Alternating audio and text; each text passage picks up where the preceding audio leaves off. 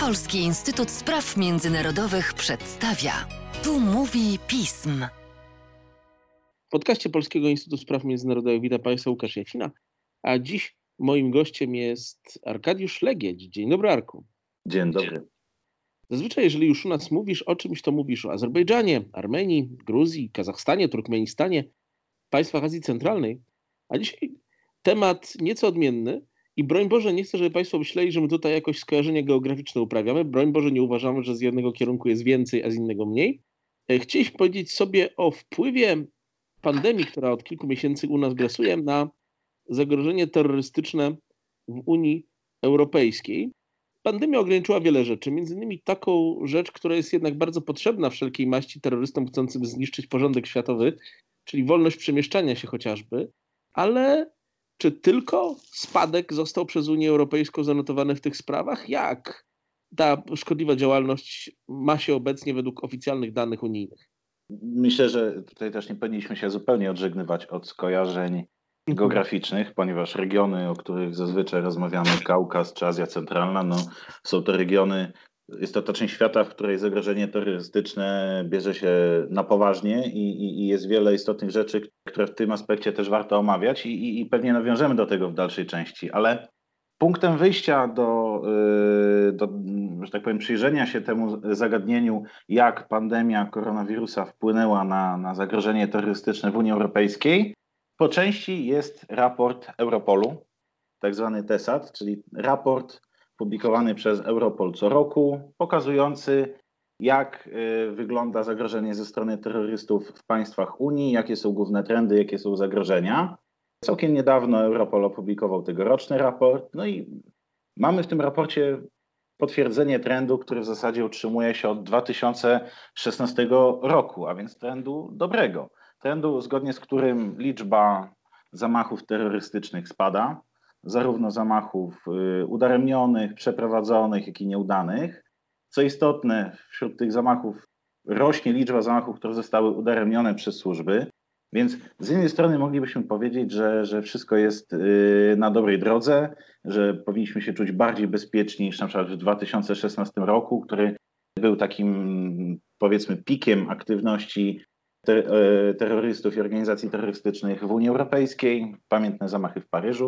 Ale nie jest tak do końca, ponieważ nawet jeżeli ten raport pokazuje, że ogólny trend jest spadkowy i y, ten trend spadkowy również ma miejsce w konkretnych sektorach tej działalności terrorystycznej, a więc jeżeli chodzi o terroryzm islamski, czy terroryzm nacjonalistyczny, czy terroryzm finansowy, bo takich rozróżnień dokonuje ten raport, no to jednak Europol zwraca uwagę, że mamy utrzymujący się trend y, wzrostowy, jeżeli chodzi o aktywność grup skrajnie prawicowych. I nawet jeżeli one czyli na ten moment. To tych, które y, istnieją generalnie już wewnątrz Unii, czyli tak, są, zgadza się. przemieszczają się z zewnątrz.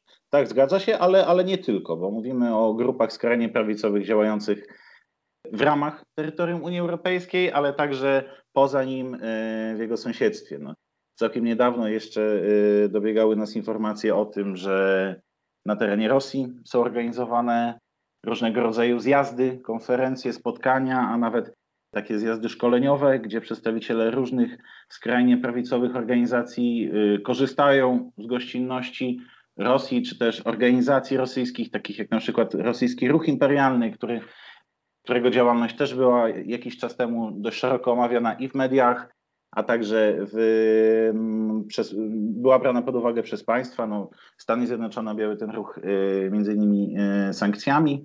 Jeżeli mówimy o tym zagrożeniu skrajnie prawicowym, ważne jest to, żeby odnotować, że ono cały czas rośnie. No jednak jeżeli patrzymy na statystyki, cały czas jest to procent mały, bo to jest około kilku procent, poniżej 10 tak naprawdę całej aktywności terrorystycznej y, w tych wszystkich sektorach.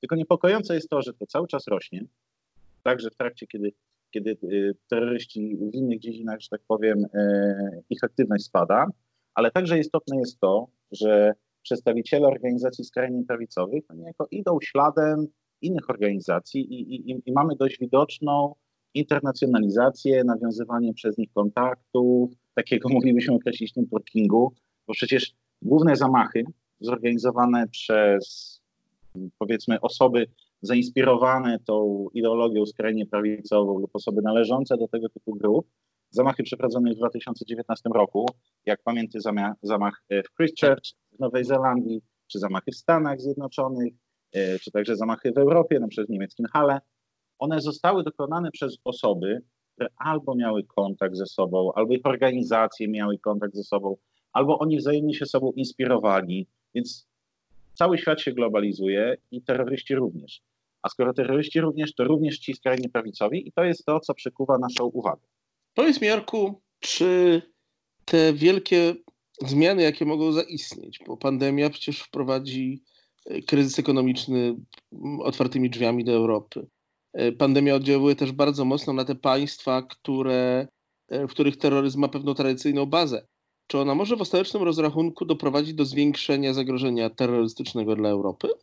Zapewnić naszym słuchaczom taki clear message, to myślę, że potrzebne jest rozróżnienie, e, jak to zagrożenie terrorystyczne będzie się kształtowało w perspektywie krótko i w perspektywie długoterminowej. Bardzo chętnie posłucham. Otóż w mojej ocenie pandemia i wszystkie jej konsekwencje, w tym restrykcje wprowadzane przez państwa w ramach walki z koronawirusem, w perspektywie krótkoterminowej doprowadzą do spadku zagrożenia terrorystycznego.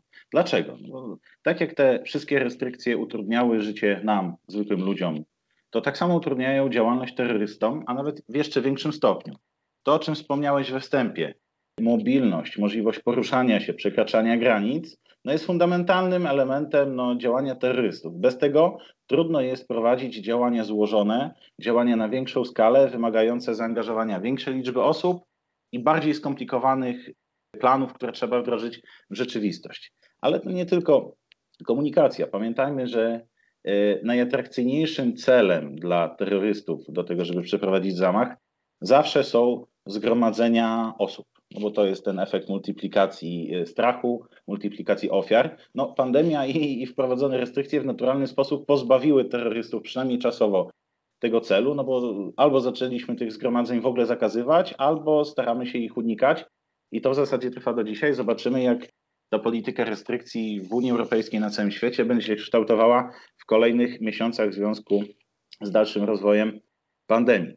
Ale skoro nie można tak łatwo przekraczać granic, wjeżdżając do Unii, to również nie można tak łatwo przekraczać granic wyjeżdżając z, z państw Unii Europejskiej, co w bezpośredni sposób utrudnia na przykład dołączanie do organizacji terrorystycznych działających poza Unią Europejską, w jej sąsiedztwie, w ramach toczących się konfliktów, takich jak Libia, takich jak Irak, Syria, a nawet tak, takich jak Ukraina. A wiemy, że w poprzednich latach przede wszystkim w związku z działalnością państwa islamskiego w Iraku i Syrii, ale także późniejszymi konfliktami w Libii, w Jemenie i, i, i, i szeregiem innych konfliktów w otoczeniu y, międzynarodowym Unii Europejskiej, ta mobilizacja osób, które dołączały z zagranicy do danych ugrupowań, do, brała udział w tych konfliktach, ta mobilizacja zagranicznych bojowników i najemników była być może najwyższa w historii, więc to, że w tej chwili jest to chwilowo trudniejsze, również jest istotne i, i w bezpośredni sposób wpływa na, na działania i na możliwości operacyjne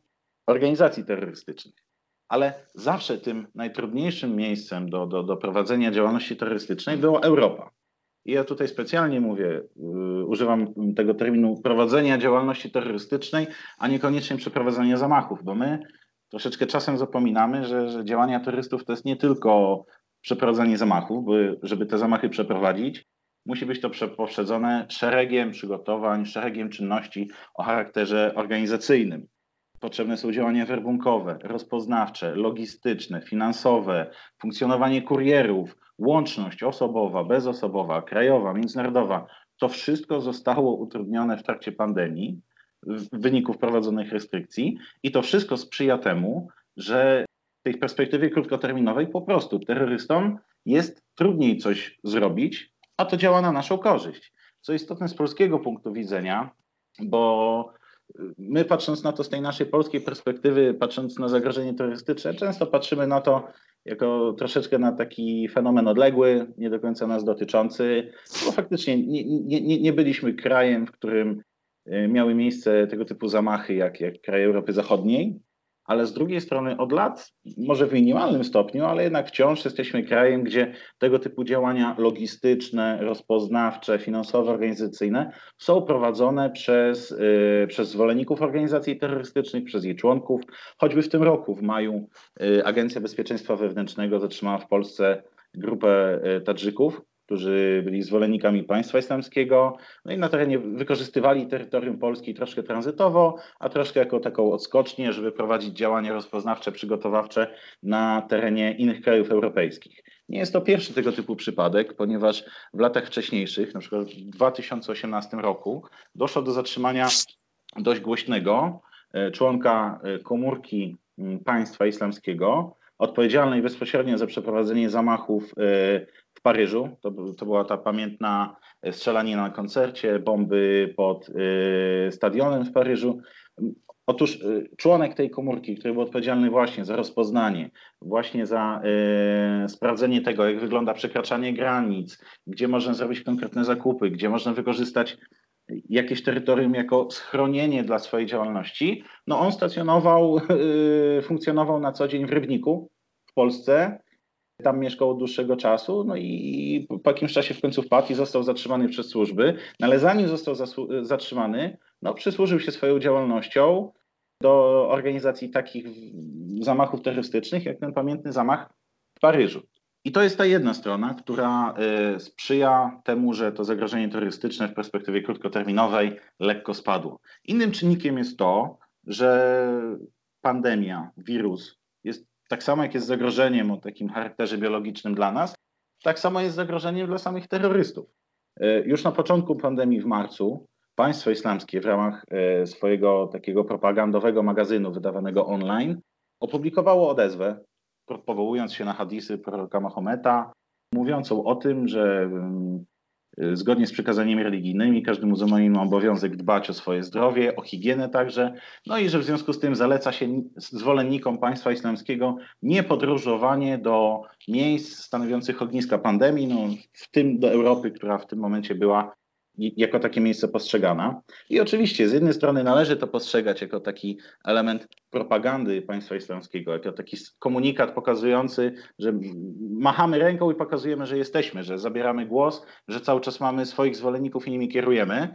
A jak dobrze wiemy, te, te zdolności państwa islamskiego w ostatnich miesiącach, latach są nieco mniejsze niż, niż wcześniej. Ale mimo wszystko tego typu odezwa była skierowana właśnie do takich osób, które są w Unii Europejskiej albo podróżowały do Unii Europejskiej i e, były zaangażowane w działania terrorystyczne, niekoniecznie bezpośrednio w przygotowywanie zamachów. I to jest ta, ten, ten drugi element. Musimy jednak tylko pamiętać o tym, że jak przez, przez wieki terroryści będą się dostosowywali do nowych uwarunkowań.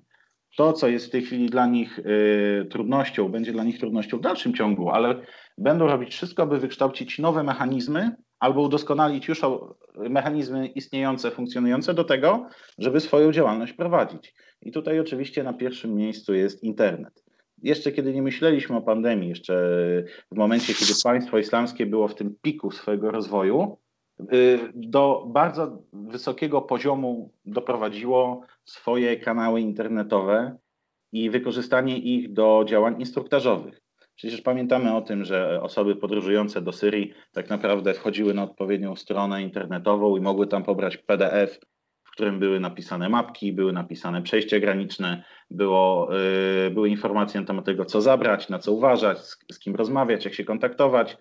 Tego typu instruktaże również były przygotowywane dla osób chcących na własną rękę przeprowadzić zamachy w Europie z mniejszym udziałem tym organizacyjnym, ale, ale, ale bardziej w tych, tych mniejszych gronach i tego typu materiały były zamieszczane w internecie i, i, i, i praktycznie możemy je też możemy je znajdować w internecie do dziś. Tego typu instrumenty będą jeszcze bardziej doprowadzane do perfekcji i w jeszcze większym stopniu y, wykorzystywane do radykalizacji, rekrutacji i bezpośredniego przygotowywania zamachów, szczególnie na terenie państw jak Unia Europejska, dla których działalność komórek, większych komórek terrorystycznych no nie jest tak komfortowa jak w innych częściach świata. Co byśmy nie robili od ponad 100 lat terroryzm w Europie, działalność terrorystyczna, jak to określił Arkadiusz Legieć, ma się zawsze najlepiej. Tylko Bez... właśnie, Łukaszu, to nie tylko Europa, to nie tylko Europa, bo uważam, że to też musimy zaznaczyć. E, negatywnym trendem jest to, co obserwujemy w sąsiedztwie Unii Europejskiej. I to, i to, i to jest ta perspektywa długoterminowa, o której musimy hmm? powiedzieć słuchaczom.